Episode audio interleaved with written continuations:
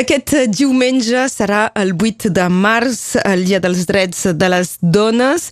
Moltes activitats s'estan preparant pel, pel dia abans, pel dissabte 7 de març. Tenim amb nosaltres la Marta León. Bon dia, Marta. Hola, bon dia. Formes part del jove moviment feminista de, de Catalunya Nord i eh, la jornada de dissabte serà ben rica. Oi tant, i farcida d'activitats.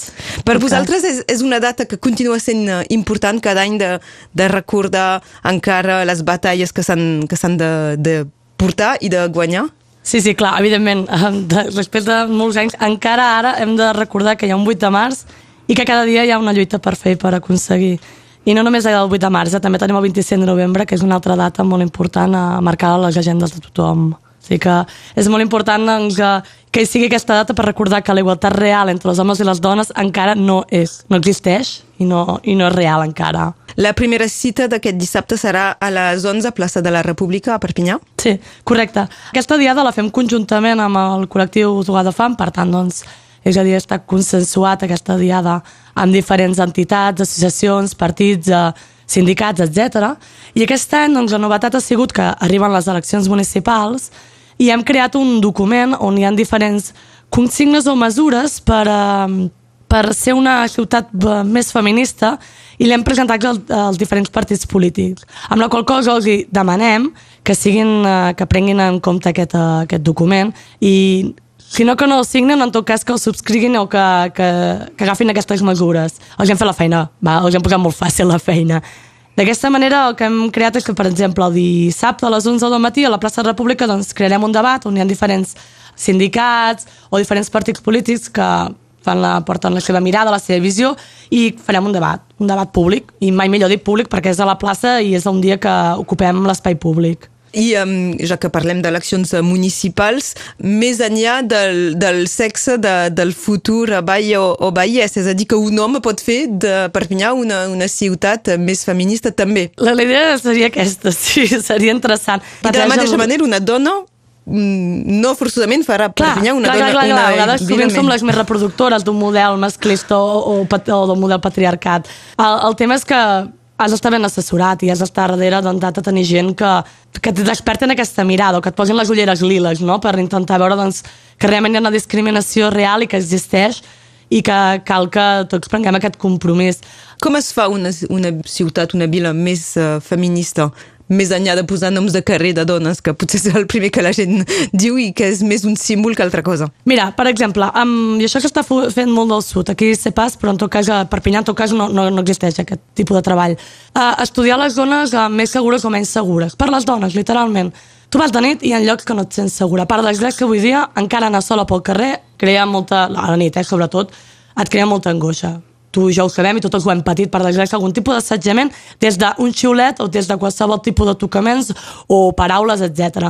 Um, hi ha col·lectius de dones d'arquitectes que fan estudis sobre quines zones són més segures i quines zones són menys segures. Quan detecten una zona insegura, doncs eh, posen el, el focus sobre aquesta zona i aquí és on l'Ajuntament hi pot vetllar, pot cuidar de que aquesta zona sigui més segura i per tant doncs, qualsevol dels seus ciutadans que visquin en aquesta ciutat puguin anar tranquils per aquí. Això és un exemple de que sobre l'urbanisme municipal hi tenim molt a dir a fer encara i a vegades sovint l'Ajuntament, potser per manca d'eines, potser per falta de, de coneixement o de mirades o senzillament no els interessa, doncs aquest eh, element no el tenen en compte. Després altres mesures, eh, també, però aquest és un exemple que és molt, molt visual, molt, molt real. Per saber-ne més, dissabte a partir de, de les 11 a la plaça de la República.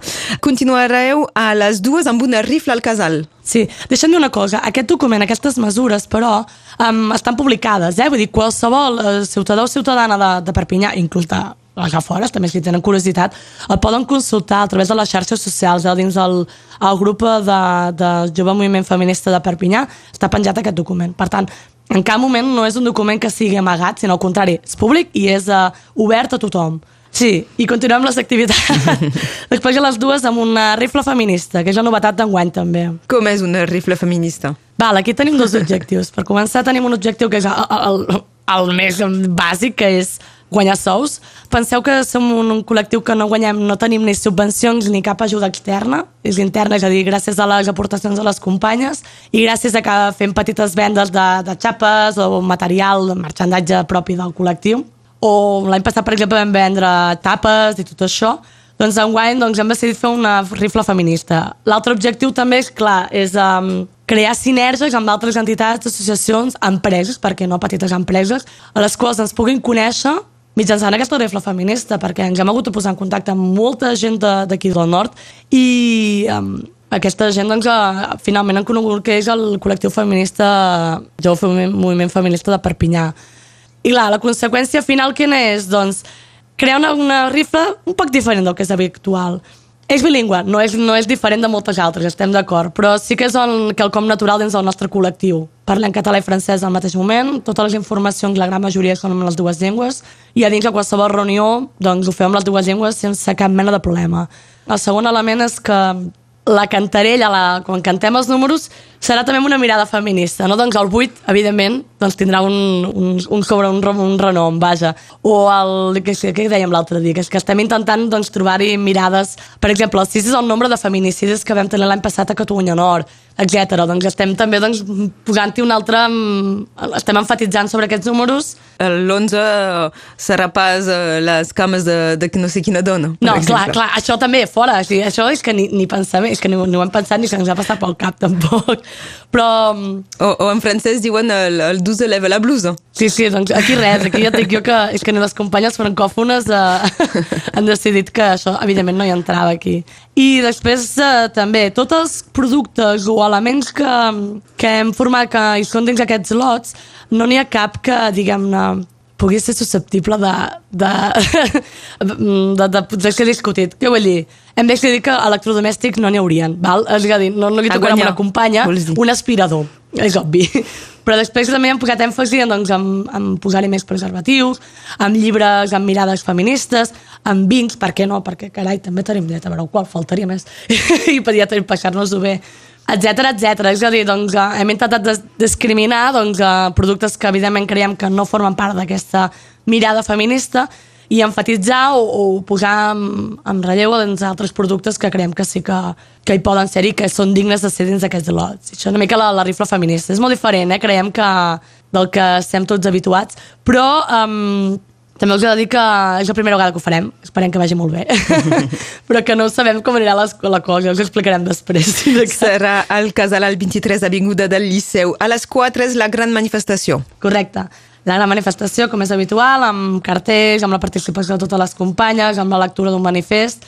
I enguany també doncs, participen la, la, la Gina Juna, la, les companyes, les dones, que fan també una, una flash mob, eh, normalment també a la plaça República, doncs eh, elles van decidir que també volien participar, que també tenien molt a dir en aquesta manifestació, doncs eh, faran una flash mob que evidentment hi pot participar tothom qui vulgui. Estem parlant dels actes en relació amb el 8 de març, Dia de la Dona, que tindran lloc a, a Perpinyà aquest dissabte 7 de, de març. Eh, Marta, s'acabarà amb, un, amb un concert. Sí, de duo tata, són unes companyes eh, d'aquí de, del territori al Casal Català.